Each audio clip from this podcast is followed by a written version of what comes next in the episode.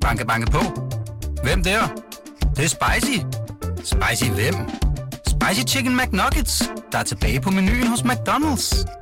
Badum, bom, tji.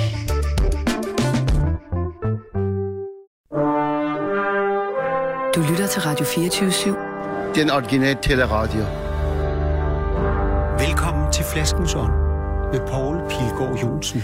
Dagens gæst her hjemme hos mig i Kanappen er sådan en kvinde, der kan få en telefonsvarbesked fra det hvide hus, eller møde øh, den kanadiske premierminister Justin, Justin Trudeau. Øh, færdig hjemvendt, havde jeg nær sagt, med Bill Gates og hans kone. Det er måske lidt overdrevet, ved jeg ikke. Katja Iversen. Men vi er i hvert fald i det lav. Velkommen. Tak skal du have. Her er det jo altså bare Poul Pilgaard, som øh, du har over for dig. Og du har ved Gud selv medbragt det, vi skal drikke. Ja. det, er meget, det er jo dejligt, vil jeg sige. Det er dejligt. Måske skulle vi, øh, skulle vi begynde med det, før vi lige får forklaringen på alt det med telefonsvarbeskederne og Trudeau og alle de andre. Jamen, det kan vi godt. Hvis, jeg nu, hvis vi laver den arbejdsdeling, at jeg hiver proppen af den, Ja. fordi det er en museerende vin, Ja. så, øh, så kan du fortælle, hvad det er. Ja, det er en uh, Chius uh, fra Marco Carpinetti i uh, Lazio i Italien. Mm. Og det er jo ikke derfra, man normalt regner med at, at få god vin. Men uh, det kommer fra et lille område syd for Rom, uh, lige uh, uden for en by, der hedder Cori. Og uh, der har man fundet nogle gamle druer uh, i en gammel tomt, som han dyrker. Og han dyrker også alle mulige andre, sådan lidt mere gængse vine. Øh, og den Kiosvin, det er den øh, rosé-museerne mm. vin. Den, har, den er med i Gambarossa nu. Øh, I guiden der, ja. ja.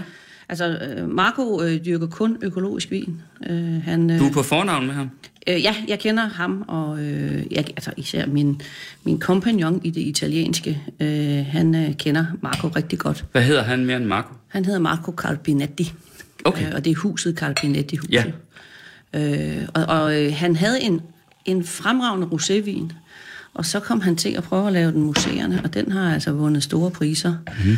Og øh, fordi at nu hans hus, øh, min ven Nikolaj havde, havde agenturer til det danske marked øh, tidligere, da han kørte den italienske forbindelse, og kender ham rigtig godt stadig.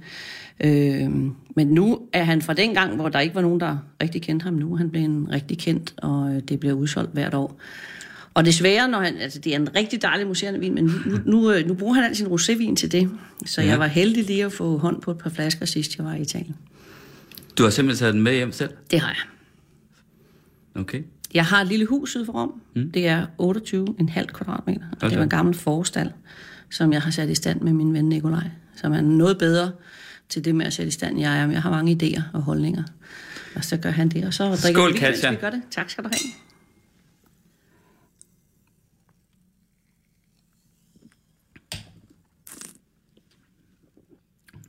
Ja. Og du, mm. du er jo vinkender, mm. jeg er vindrikker. Ja. Nej, men det er jo klart vin på et niveau, der er, det må jeg da sige. Mm. Og sikke en farve, var. Ja. elsker den der helt særlige rosa farve. Jeg ved ikke, hvad man skal kalde den. Gammel rosa er det vel? Og nærmest? det tror jeg, den er. Ja, den Vil man ikke sige det? Den passer fint her. I Jeg skal lige have en den passer, mere. Den passer fint i Kanapenborg.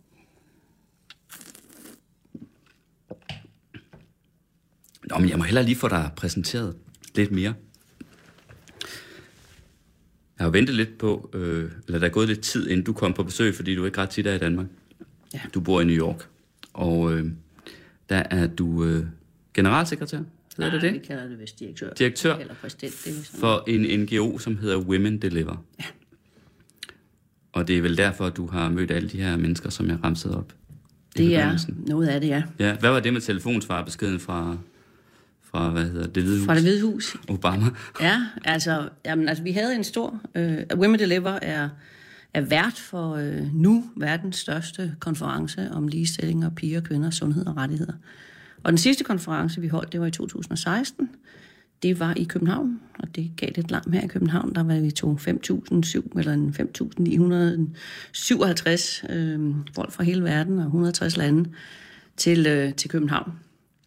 Og øh, en dag, da jeg kommer ind på kontoret i New York, der ligger der den her besked fra det hvide hus, om at jeg skal ringe tilbage hurtigst muligt.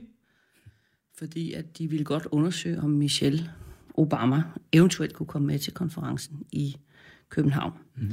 Der var så lige noget med nogle datoer og noget, som ikke virkede, men det fik vi da en rigtig god snak om, for hun er jo også en af dem, der er meget aktiv, når det kommer til og kvinders uddannelse og deltagelse i samfundet. Ja, for Women Deliver går ud på, hvis vi skal sige det sådan lige lidt firkantet og kort, hvad er formålet med...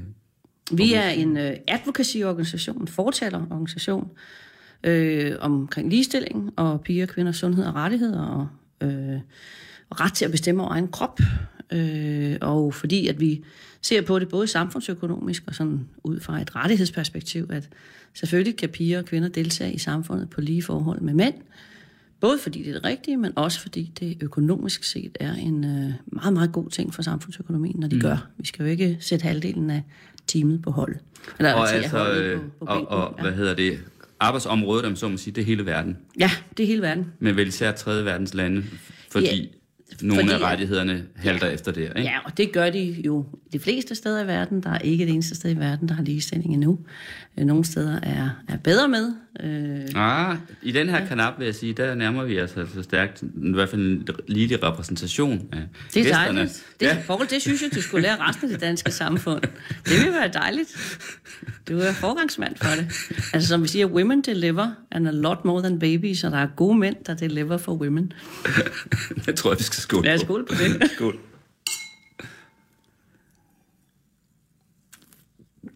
Hvad så det der med Trudeau? Ja, altså der... Øh, nu er vi jo ved at planlægge den næste konference, og, øh, og, og Women Deliver-konferencen, nu er der blevet dertil, hvor der er kommet lidt konkurrence blandt landene om at få den, fordi det, det er blevet en hæder. Og da vi var ved at undersøge, hvor øh, 2019-konferencen skulle være, vi laver den kun hver tredje år, heldigvis, øh, så øh, var, øh, var der fire lande tilbage, og et af dem var Kanada. Og så først fik jeg et meget fint brev fra Justin Trudeau om, at han synes virkelig, at vi skulle vælge Kanada som værtsland. Og så begyndte det, da, det, øh, da, da vi var ved at skulle tage valget, der fik vi simpelthen en opkald om ugen fra hans kontor. Okay. Hvornår har I taget en beslutning? Hvornår har I taget en beslutning? Og da vi så besluttede det, så måtte jeg ringe til hans kontor, og, øh, og det var de meget glade for, og han var især meget glad. Mm. Så øh, han, han bakker hele vejen op, så vi har haft en, en del med hinanden at gøre. Og øh, også med hans kone. Øh, mm. Og også med Bill Gates og hans kone, ikke? Øh, mest med Melinda. Ja, Melinda Gates. Ja, Melinda Gates, ja. ja. Så, men så... Øh, og hvad er det, øh, fordi øh, hun spytter nogle penge i kassen, eller de spytter nogle penge Dels er hun jo en, en meget øh, stærk øh, fortaler kvinde for mm. øh, pigers rettigheder, og det er Bill også. Øh, og dels så, fordi hun har været til tre ud af de... Øh, eller tre ud af de fire konferencer, vi okay. har holdt indtil videre. Mm. Og det er jo fantastisk at have sådan en som hende med på holdet også. Men, øh, men øh, det, der så skete med Trudeau, det var, at han inviterede mig med til at øh, være med på det hans ligestillingsråd til G7-møde, der skal være her i juni. Og G7, det er jo de øh, tungeste økonom, øh, økonomisk tungeste lande Ja, lige præcis. I verden, lige præcis. Der. Og, øh, og der er jeg med, øh, og altså som en pige fra Vestjylland, må vi jo sige, at øh, blive inviteret med i det selskab, som er Melinda Gates og Malala og Christine Lagarde og øh, Pumsile fra UN Women og nogle af de andre øh, øh, stemmer øh, på feltet. Det var jo, der måtte jeg lige knibe mig lidt i armen, øh, da, han, da han spurgte mig, da vi var i, i Davos her i, i januar. Ja. ja, en pige fra Vestjylland, fordi jeg fandt jo ud af, at du skulle komme, at vi er jo altså vokset op tæt på hinanden. Det er vi. Hvor meget? At Sørvad, hvor, langt, hvor langt er det syd for Holstebro? 14. 14 kilometer? 14 kilometer syd, ja. ja. Og, øh, og Holstebro ligger så 35-40 kilometer. Fra Herning? Øh, øh, nord for Sønderfælden, faktisk. Ja. Øh, hvor langt er det til Herning? Er du fra, du fra ja. Sønderfælden? Jamen, jeg er fra Sønderfælden. Ja, det er jo... Øh... Det er jo det. det er jo så jeg ret, mener, ret der er jo ikke, der er jo ikke ret langt. Der er jo ikke ret langt. Men jeg er sådan en anelse ældre end dig, for du er 48. Ja. ja og jeg er jo 52. Men øh, det er jo lidt det samme miljø, man er, man er vokset op i her. Og nu sagde du det jo så selv, det der med, øh, at man så måtte knibe sig i armen, at man pludselig står her, altså ikke her, i ja, ja. men ja. der, blandt øh, alle de her øh, øh, store navne inden for politik og økonomi osv., og, og, og til med i, i Davos. Hvad tænker du så egentlig, når du kniber dig i armen? Jamen, jeg tænker jo, det er en fantastisk mulighed, og at øh, vi jo har gjort noget rigtigt, øh, mm. fordi vi er, Women Deliver er nogle af dem, der kommer med evidensen til hele ligestillingssagen, og øh, vi viser, vi øh, kører altid på, godt på med, hvad der virker. Vi taler ikke bare om problemerne, det gør vi faktisk ikke særlig meget. Vi taler om, hvad der virker, så vi kan ændre på det. Og mm. det er jo det, som, øh, som vi er gode til, og derfor vi bliver inviteret med. Øh, I forhold til, til G7, så er det jo nøjagtigt et år, lige præcis et år, inden vi har den store Women Deliver-konference. Og det er jo, de vil jo også gerne være med til at bygge den bro mellem G7, så det ikke bare bliver et, et, øh, et tidspunkt og en mm. enkelt, enkeltstående begivenhed, men altså ligestilling for samfundet er noget, vi øh, arbejder på mm. hele tiden, og ikke bare når, i skoletalerne. Ja. Men du, du siger alligevel, at uh, du lige må knippe dig selv i armen. Det, I det ligger der vel det der med, jamen jeg er jo bare en pige fra Vestjylland, ikke? Ja, og så en god, god gang, den, god, øh, god dansk jantelov, ikke? At øh, vi skal jo ikke flyve højere, end væggerne bærer. Øh, men altså, jeg må jo sige, nu er jeg mødtes med dem alle sammen og sidde, og vi har en masse, og jeg har en masse at bidrage med. Og det, øh, det er jo også godt at se, at øh, vi kan... Måske kan det være en fordel at være fra Vestjylland. Ja, jeg tager nok tingene lidt mere stille og roligt, ikke? Gør, er, er det sådan, tror du? Altså, altså, ja, det gør jeg i hvert fald. Ja. Altså, og det er jo også... Ja. Det er nok en af de ting, jeg kan. Jeg tager folk som mennesker, jeg tager dem ikke som titler. Så øh, når jeg mødes med med folk med en stor titel, så ser jeg mere på, hvem de er som person og som menneske, og der har vi jo alle sammen humør og brug for ting, og, øh, og der, det kan man jo sagtens se. Mm-hmm. Og det kan man også tale om, jeg tror. Når jeg går ind og, og mødes med, med øh, Bill Clinton, eller, eller ja, nogle af dem, ikke, så ser jeg dem jo også bare som dem, der skal have ja. op om morgenen og have en hverdag til at fungere. Men, men uden at nu at sidde og advokere alt for meget for sådan nogle øh, stereotype øh, forestillinger eller klichéer om, hvordan man er, når man er øh, fra det sted eller et andet sted. Altså, så tror jeg alligevel, at, øh, at der måske kan være noget i, at øh, der er noget uimponerethed. At der er et element af uimponerethed i øh, den vestjyske mentalitet. Jamen, det tror jeg, du har ret i. jeg forestille mig. Ja, det tror jeg, du har ret i. At, øh, mm. Folk skal jo lige bevise, de kan noget først. Ikke? Altså, du, det er en joke, det, det. ikke? Men, uh, Nej, det tror jeg men, ikke er bare en joke. Altså, folk, der opfører sig ordentligt og, det er faktisk og rigtigt, ja. at, uh, at der er en uimponerethed. Det er, altså, ja, så vil nogen så sige, uh, at den negative udgave er det med, at man skal ikke tro, uh, man er noget, men det er nu ikke helt sådan, det er. Uh, det er snart det der med, at man, uh, at man skal bevise. Ja. Men hvis man så har bevist det, så må man også gerne være noget. Det er jo det, der ligger i, altså når man kan sige, Herning for eksempel, ikke? Øh, den her øh, foretagsomhed og geskæftighed, som er i Herning og i byerne omkring, det er jo det område, vi snakker om her. Ja.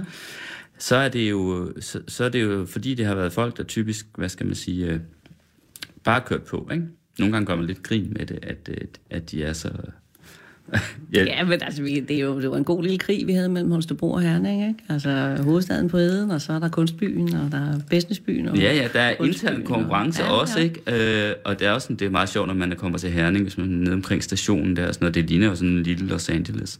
Mm-hmm. Der er næsten ikke noget rigtig centrum i byen, men der er de her store veje og jernbaner og alt muligt, ikke? Ja. Egentlig ret udansk. Øhm, jeg har min egen lille teori om, hvorfor det er blevet sådan. Det må jeg godt fortælle dig. Skal vi det må du godt. Lige skål først. Lige skål på det her. Ja. ja.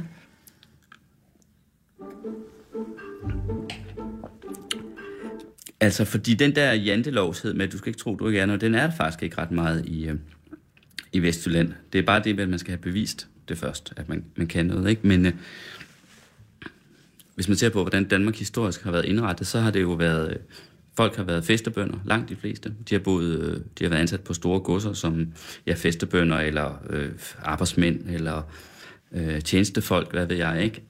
Øh, og det eneste sted, hvor der ikke rigtig var nogen herregård, det var Vestjylland, for der var jorden simpelthen for fattig. For dårlig, ja. Og for dårlig til, at det var værd at have noget der, ikke? Så der er både de der hedebønder, som vidderligt har været fattige, og som intet har haft at holde sig til, og som har skulle klare sig selv fuldstændig.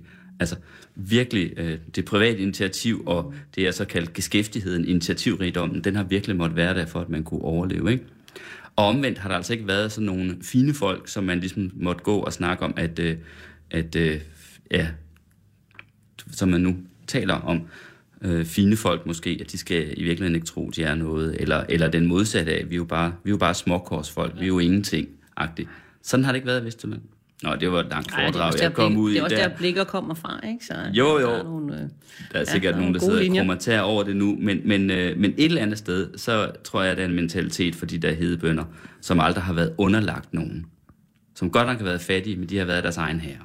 det kan du sagtens have Og. Sørvad, hvor du kommer fra, Ja. det er jo altså det der hedeland, ikke?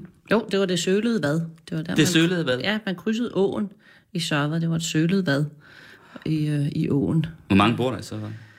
Øh, 800 i byen Ja. og 1500 i sovnet. For ja. der regner man stadigvæk med sovne. Ja. Og det er et... Øh, øh, det er et indremissionssamfund. Mm. Øh, det er et meget religiøst samfund. Selvfølgelig ikke alle, men nogen er. Mm.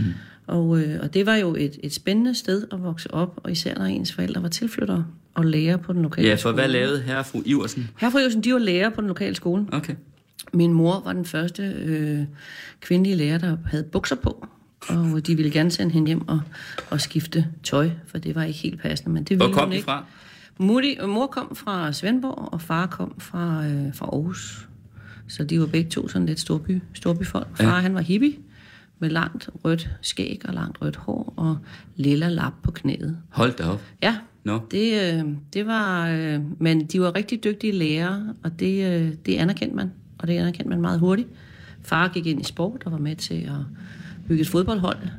Øh, mor var med, eller ledte haveforeningen. Øh, de var med, da, øh, eller de var ikke primus motor, men de, var- jo, det var det nok noget af, til noget af det, da der skulle bygges et lokalt svømmebad. Og det er jo der, jeg lærte, hvad skal vi sige, hele netværkskunsten, og man skal kunne tale med alle.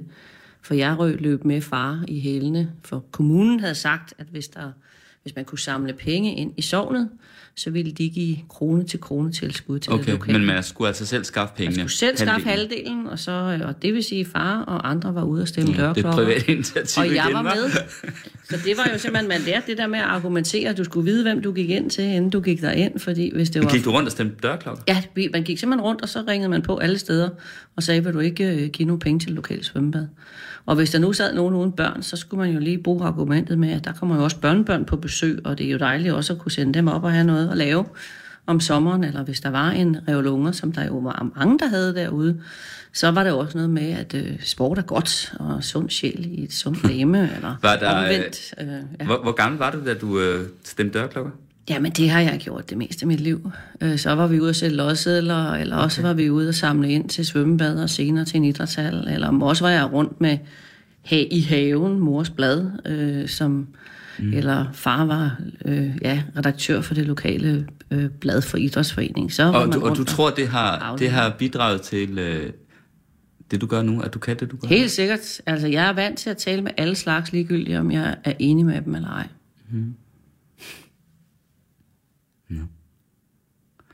For det var et, altså det var et samfund dengang, var det, der var dem, der var i idrætsforeningen, og så var der dem, der var med i KFM og K.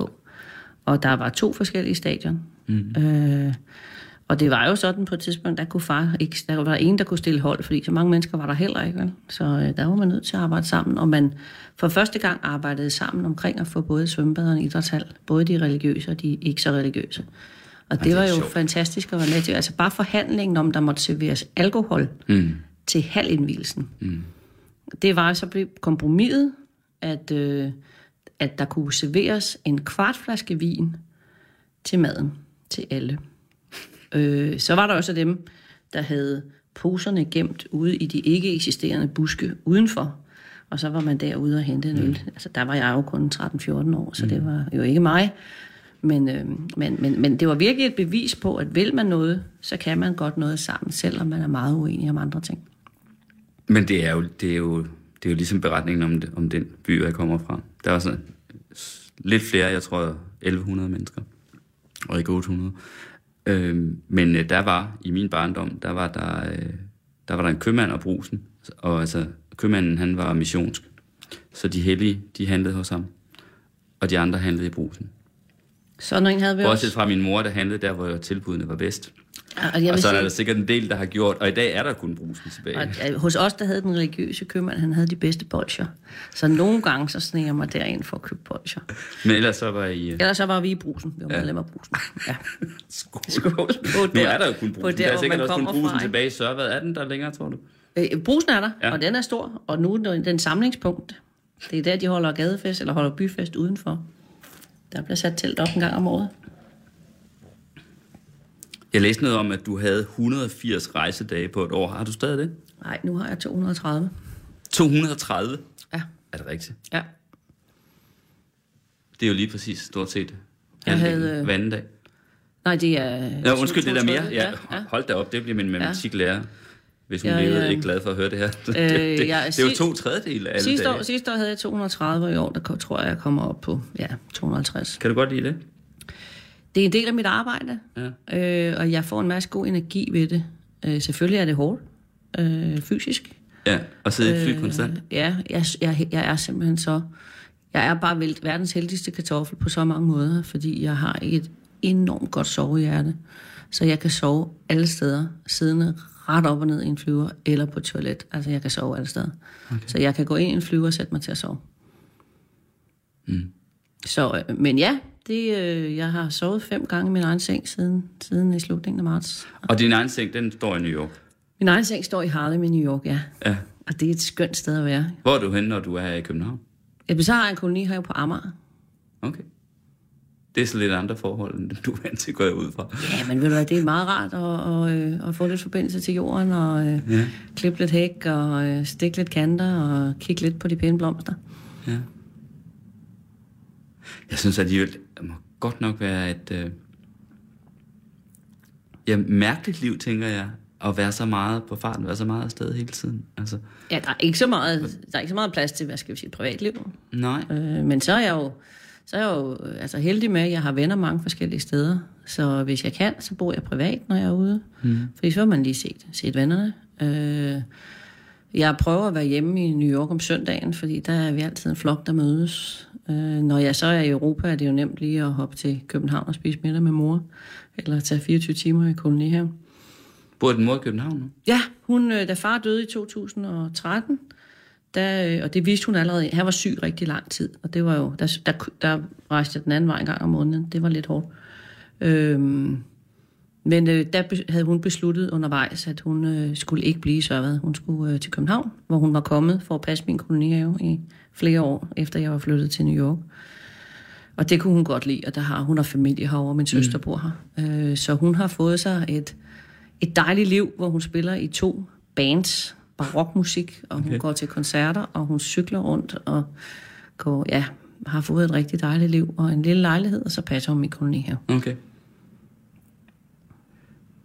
Hvis man er sådan en rigtig øh, hjemstavnsromantiker, så vil man måske sige, øh, om ikke du bliver rødløs af aldrig at være noget sted fast. Jamen, jeg synes jo, jeg hører til mange steder.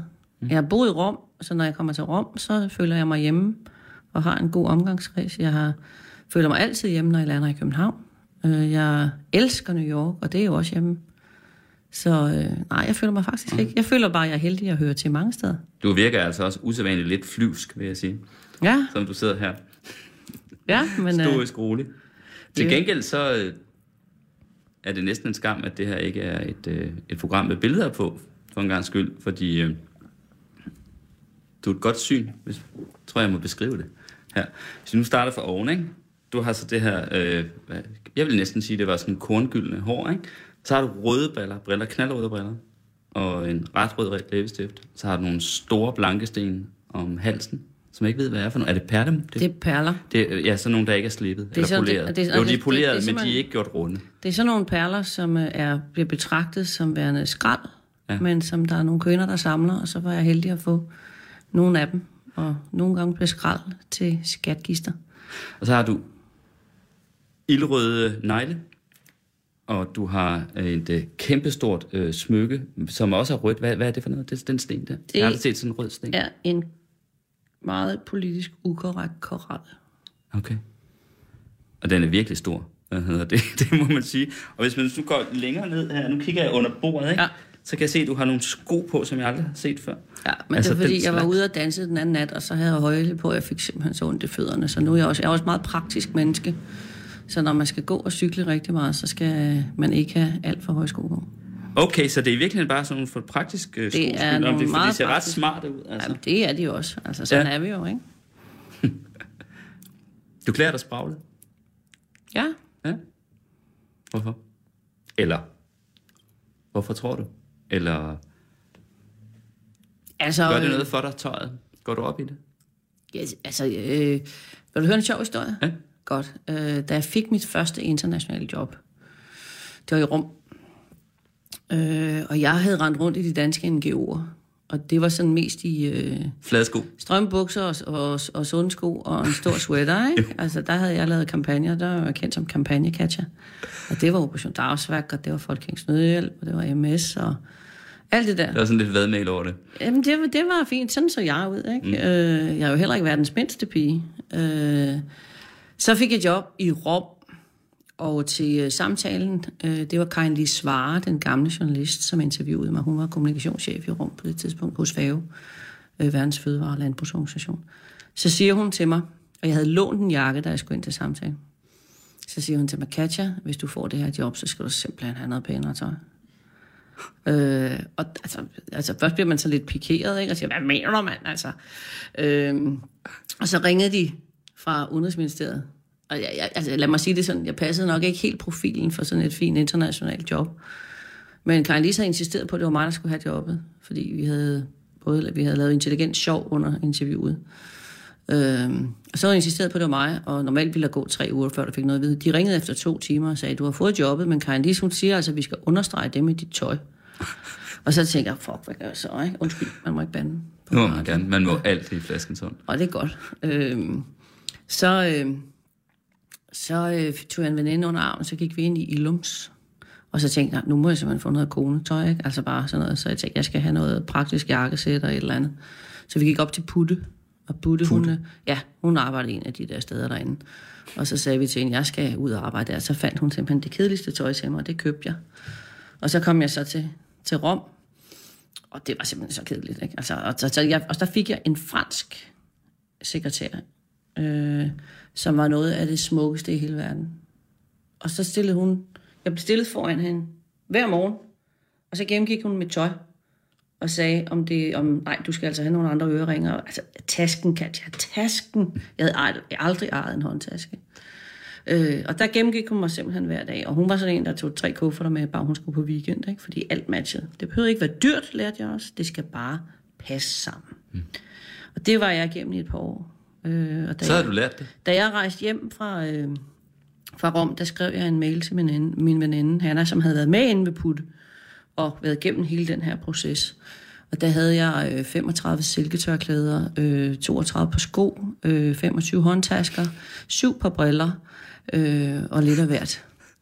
Så, øh, og så på grund af min størrelse, så hedder det, jeg kan jo ikke, jeg kan jo ikke bare tage tøj ned fra en stang øh, i, øh, i, i et supermarked eller i en tøjbutik, så, øh, så hed det også sådan, accessories, accessories. Og derfra kommer de røde briller og smykkerne, fordi at, øh, så har man da lidt personlighed på den, ikke?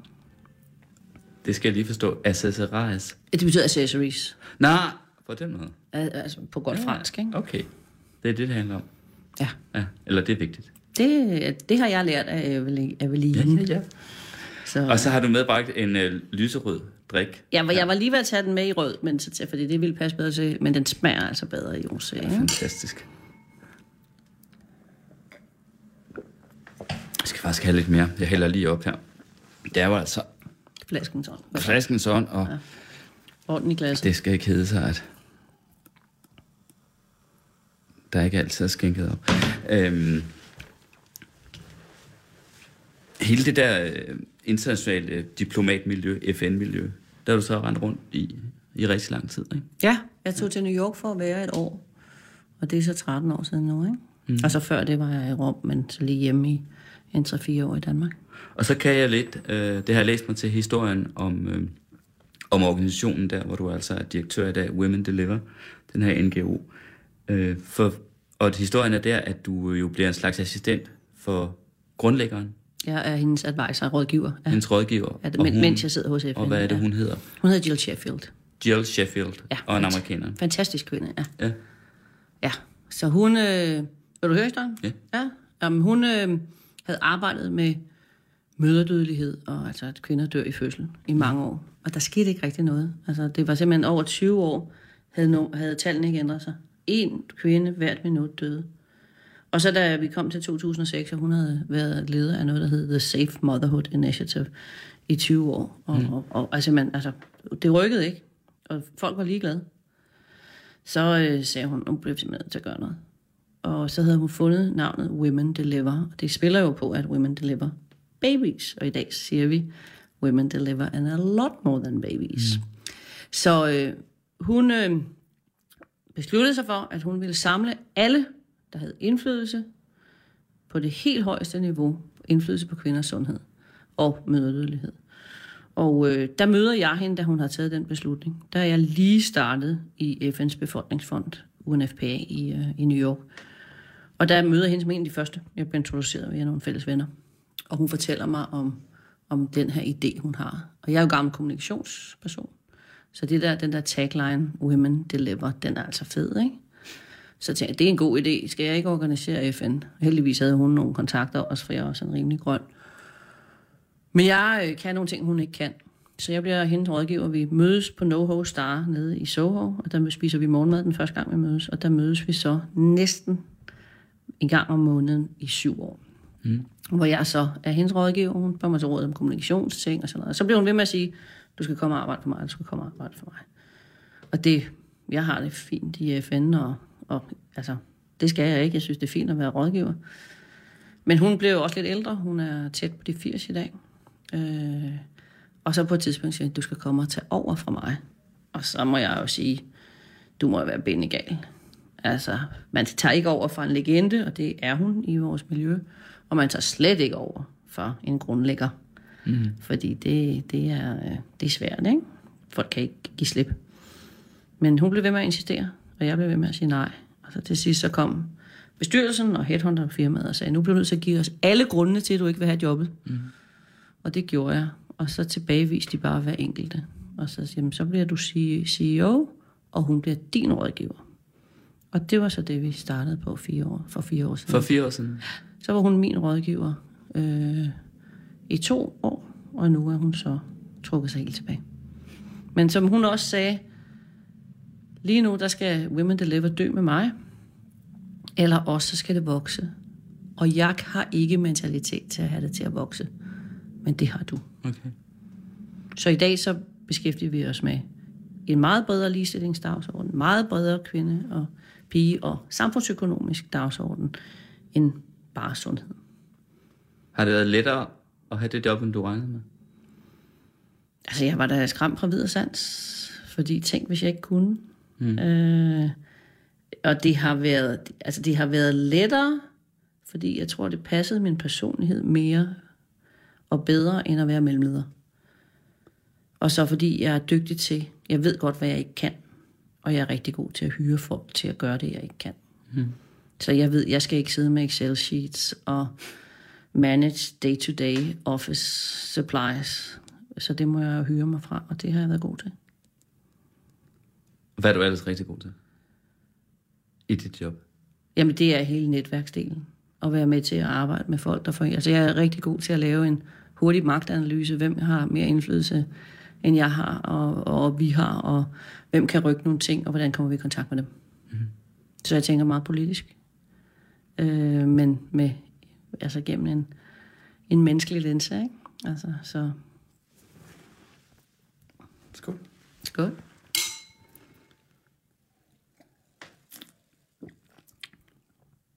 Det smager altså virkelig godt. Det må jeg sige. Mm. Det vil jeg sige, det er jeg meget glad for, at du siger.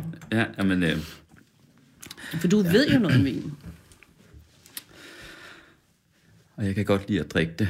Øhm, din, øh, jeg ved ikke, hvad man skal kalde det, din interesse for, eller måske er der vel også en grundlæggende indignation, i, i, har du en grundlæggende indignation i den sammenhæng, altså den fokus på, på uligestillingen, eller kvinders manglende rettigheder, eller eller dårlig stillhed.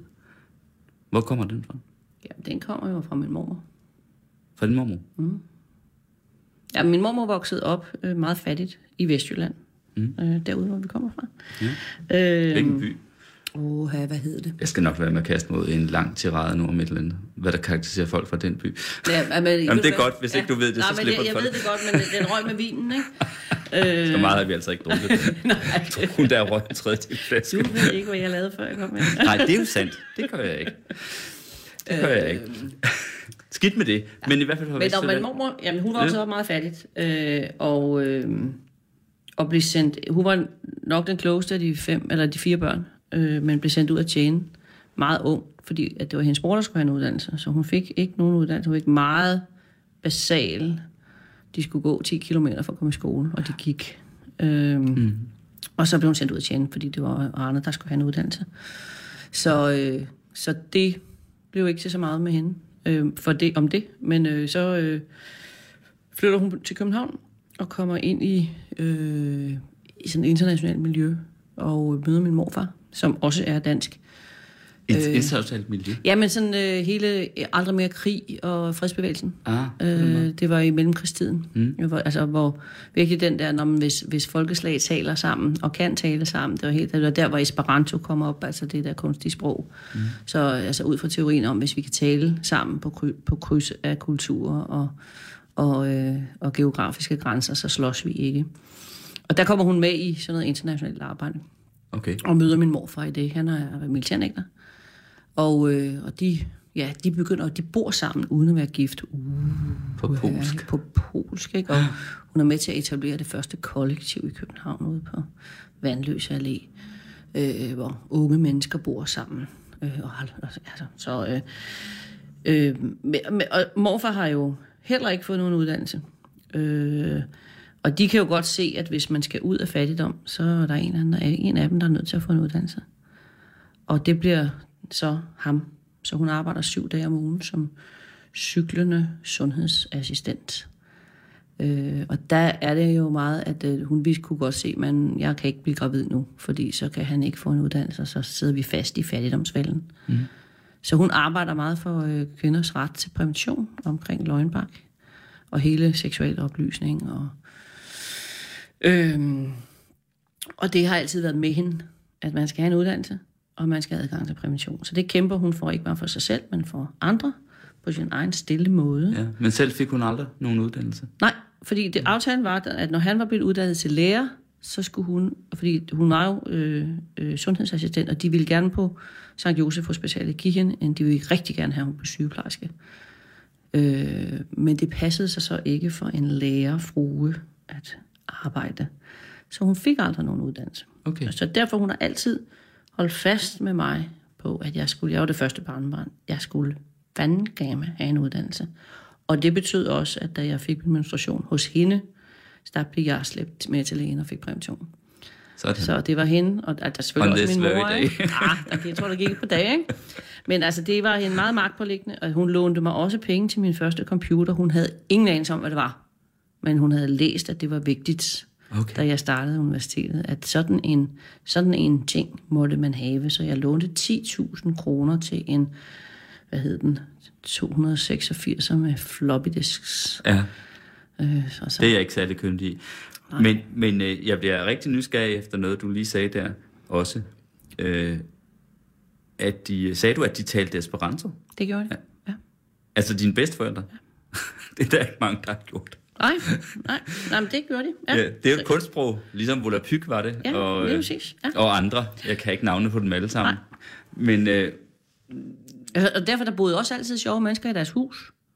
Fordi at de var med i det der, før det hed couchsurfing, så øh, at de var med i hele det der internationale miljø, hvor man kunne, hvis man havde sit eget lagen med, kunne man komme og sove en nat. Så når i deres hus i Svendborg, der var der altid mennesker fra rundt omkring. Og det har jeg jo lært og har taget med, og det tog mine forældre også til sig.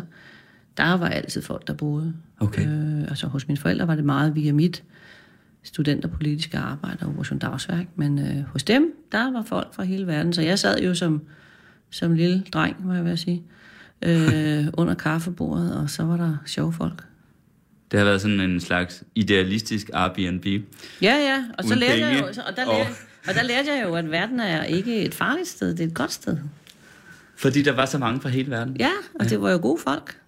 Og derfor var jeg, der fik jeg jo også min nysgerrighed på verden. Men, men hvor boede de henne? De boede i Svendborg. De var flyttet fra København til Ja, Svendborg? og det var derfor, der arbejdede okay. En lærerfru ikke. Ah, på den måde. Og så var det også tid, de skulle have nogle børn, og så hun blev hjemmegående Ja. ja. husmor. Men det der Esperanto, altså det var ikke noget, man gik rundt og talte jo. Men det var sådan, at man så kunne man måske tale med nogle af dem, der kom. Ja, altså, så, det og, vil sige, og så de der- rejste de selv også, ikke? Altså, Ja, ja. og der, hvor man rejste hen, det var til... Der, der var Andre, der beherskede. Ja, Esperanto. Ja, præcis. ja, ja, Okay. det var... Så du har hørt nogen tale Esperanto sådan i dagligt liv, altså helt Ja. konkret? Ja, jeg prøvede altså også sådan, selv at lære Hvor er toilettet, eller hvilken vej skal jeg gå for at komme ned til havnen? Ja. ja, jeg prøvede også selv at lære det, men det hang ikke så meget fast. Kan du overhovedet nogle ord? Nej, det kan jeg ikke. Det er jeg lidt ked af. Hvad hed de? Dine Øh, forældre? Ja, bedsteforældre. Valborg og Otto. Valborg og Otto. Ja, men Otto han blev bare kaldt Jonas, fordi hed Jonasen, så han hed bare Jonas. Ja, Jeg, jeg synes, din skål værd. ja Er det synes jeg også. Jo, de er meget gode Skål. at skåle for.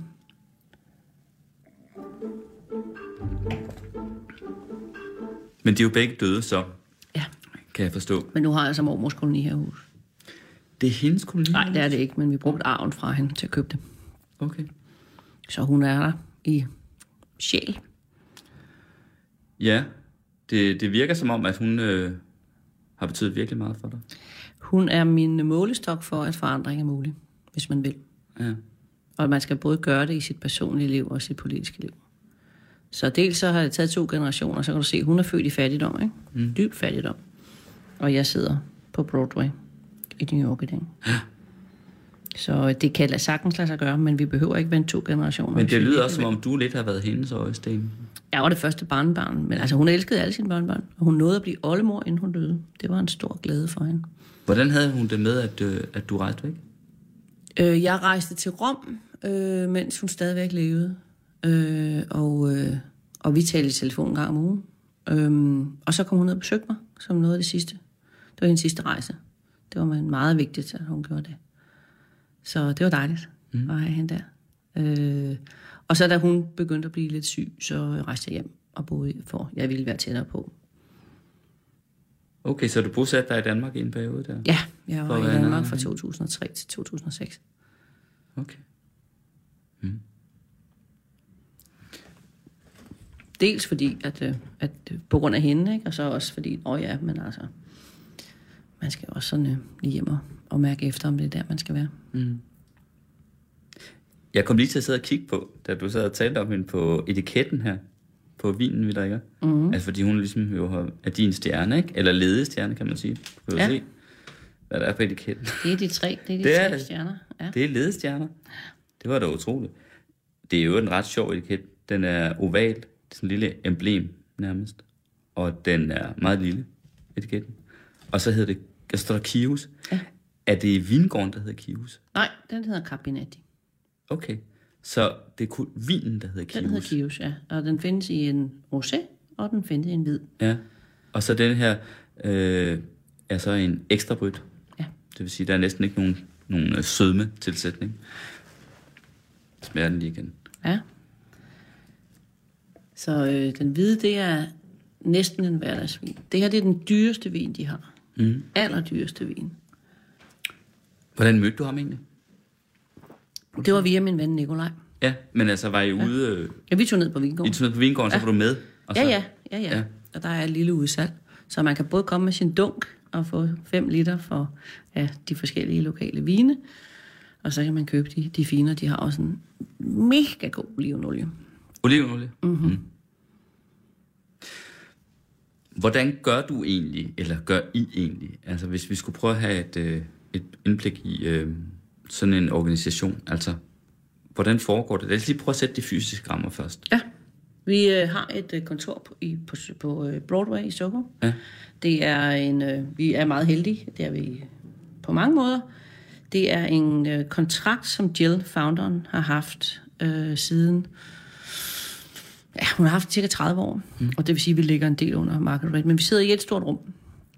Da jeg tog øh, organisationen over, var vi 11, og i dag er vi næsten 45.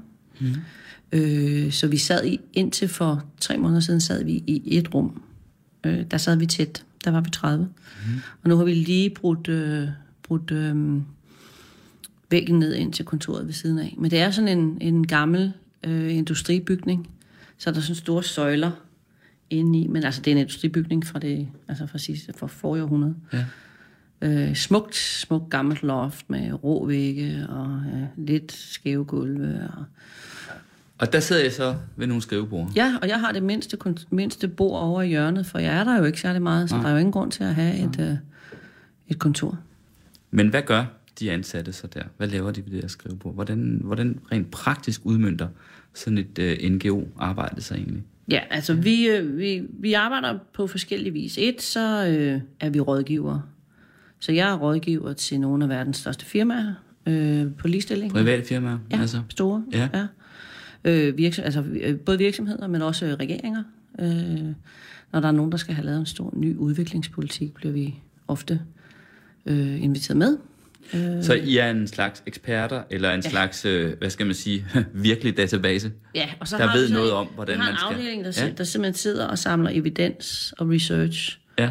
Øh, og, øh, og laver det om til noget, der er nemt kommunika- kommunik- til at kommunikere, Ja. men også nemt at, at give, altså til policy briefs og data og fact sheets og alt sådan noget. Ja. Der har vi simpelthen folk, der sidder og siger, at der er kommet ny research fra London School of Economics, der er kommet der. Nu er det sådan, at nu kommer universiteter til os, og virksomheder til os, eksempel McKinsey og andre, og siger, hvad for nogle huller har vi i evidensen omkring ligestilling? Hvad skal vi lave? Øh, og så har vi så overblik over, hvad mangler vi. Og har så vi samlet samler- ting frem, der kan argumentere for jeres sag, om så Lige præcis. Så Og- egentlig kan man jo kalde I er en slags lobbyvirksomhed. Jamen, vi er en fortættervirksomhed. Ja. Ja. ja, det er vi. Ja. For vi er kvinders rettigheder. rådgiver. Godt formål. Så- Kan man sige. Øh, så vi det er jo ikke altså- alle lobbyvirksomheder, der måske altid, hvad skal man Så sige, har altså vi altruistiske mål. Så har vi et digitalt universitet, hvor vi uddanner unge ledere ude i landsbyerne. Øh, også til at være advokater eller fortalere. Så vi har både det, hvor jeg kan gå, og hvor vi kan gå ind, og vores Rolodex, ikke? altså vores adressebog, den taler nogle af, af verdens ledende.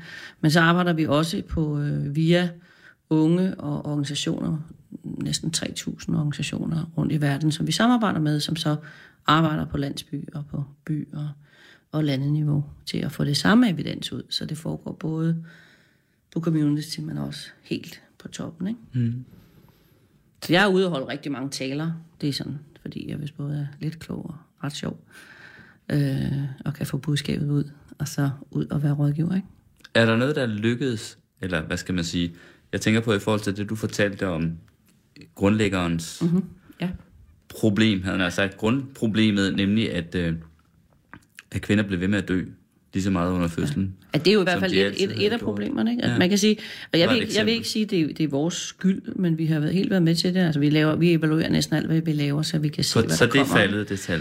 Ja, og der, så det, det, der skete, det var, at den store konference i 2007 var med til at sætte mødedødelighed på agendaen. Så i dag er mødedødeligheden næsten halveret i forhold til, hvad det var i 1990. Den er halveret næsten. Ja, Møder så, øh, dødeligheden. Ja, altså mm. kvinder, der dør i fødsel eller mm. er, er, er usikre aborter. Så, øh, så det er jo fantastisk at se. Øh, så kan vi... Øh, så kan vi se, at... Øh, øh, og det igen, det vil vi ikke tage æren for, men øh, der er flere og flere lande, der har lov mod, øh, mod børneægteskaber, hvor nogle af de unge ledere, vi har øh, og arbejder med, de har været med til at, at gøre det i landene. Øh, være med til at unge mænd, der samarbejder med the elders, altså de æl- ældrerådene, og siger, det vil vi ikke være med til, det var jeres, det var jeres generation, nu har vi en anden. Mm-hmm. Øh, piger og skolegang, igen, ikke noget, vi kan tage den i, altså, men igen, der er flere og flere piger, der kommer i skole. De bliver der ikke længe nok, men, øh, men igen, så ved vi jo også, hvad er det, der får piger til at blive i skole, øh, hvis der ikke er vand, hvis der ikke er, er sanitære forhold, så når de får deres menstruation, så holder de ofte op med skolen. Så det er nogle helt simple ting. Ikke? Hvad gør vi med kvinders deltagelse i politik? Hvad gør vi med kvinders deltagelse i forretningslivet? Og der arbejder vi så med, med organisationer, som er med til at sætte et godt eksempel, og så tager vi det så og amplifier mm. på godt dansk.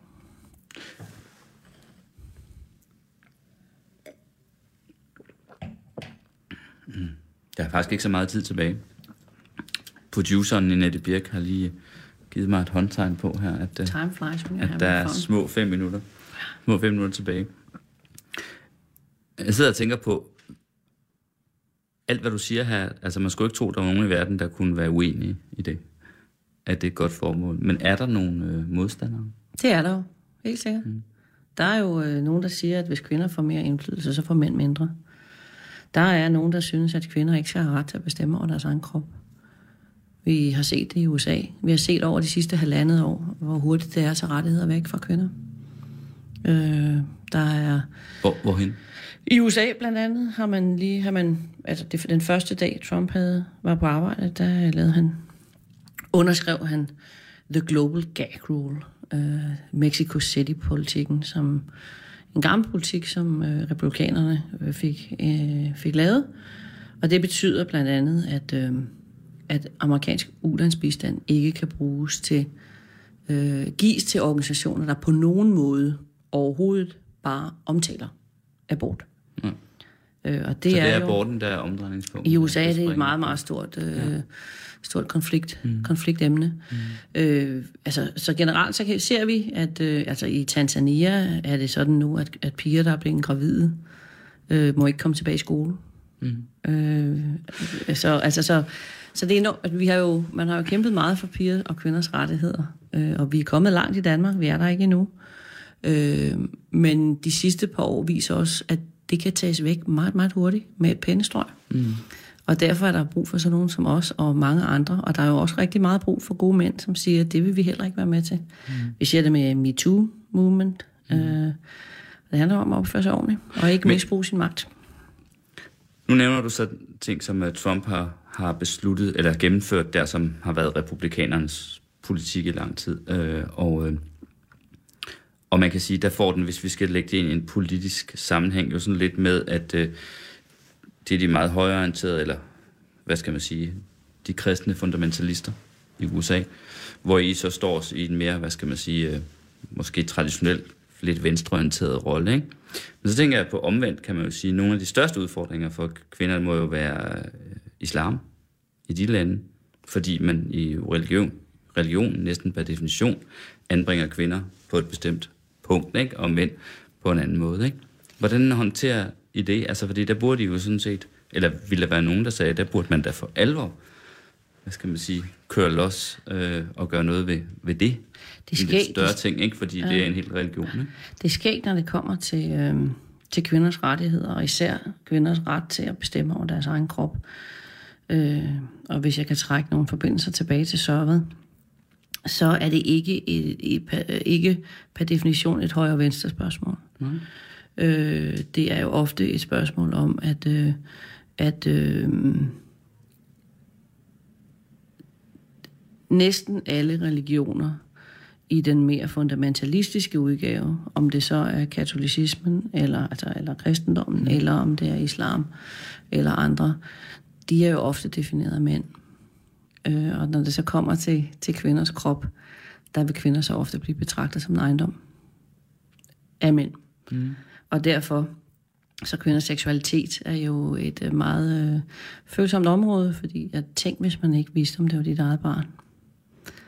Øh, så, øh, det. altså, så hvis der, jeg vil faktisk ikke sige, at det er en højre og venstre. Jeg vil faktisk heller ikke sige, at det er islam eller kristendom. Men, men, øh, men når vi ser det, altså det er noget af det, jeg efter, eller min opvækst så også har givet mig. Altså fundamentalisme af enhver art.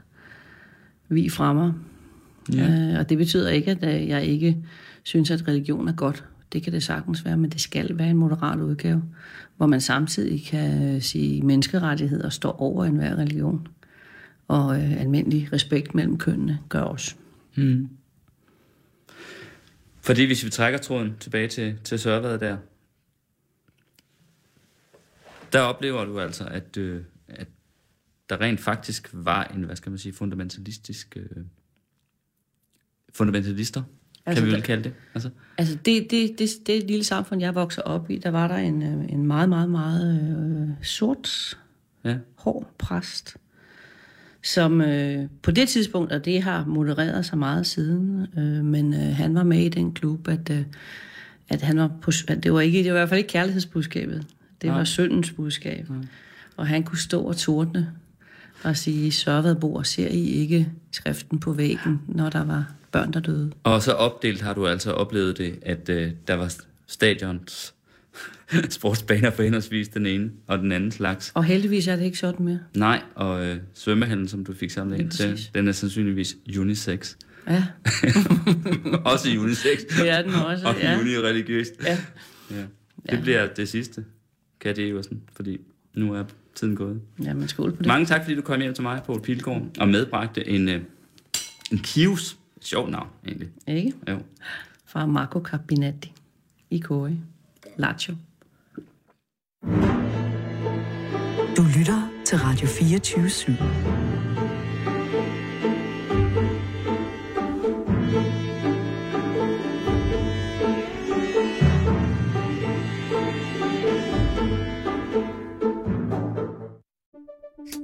Banke, banke på.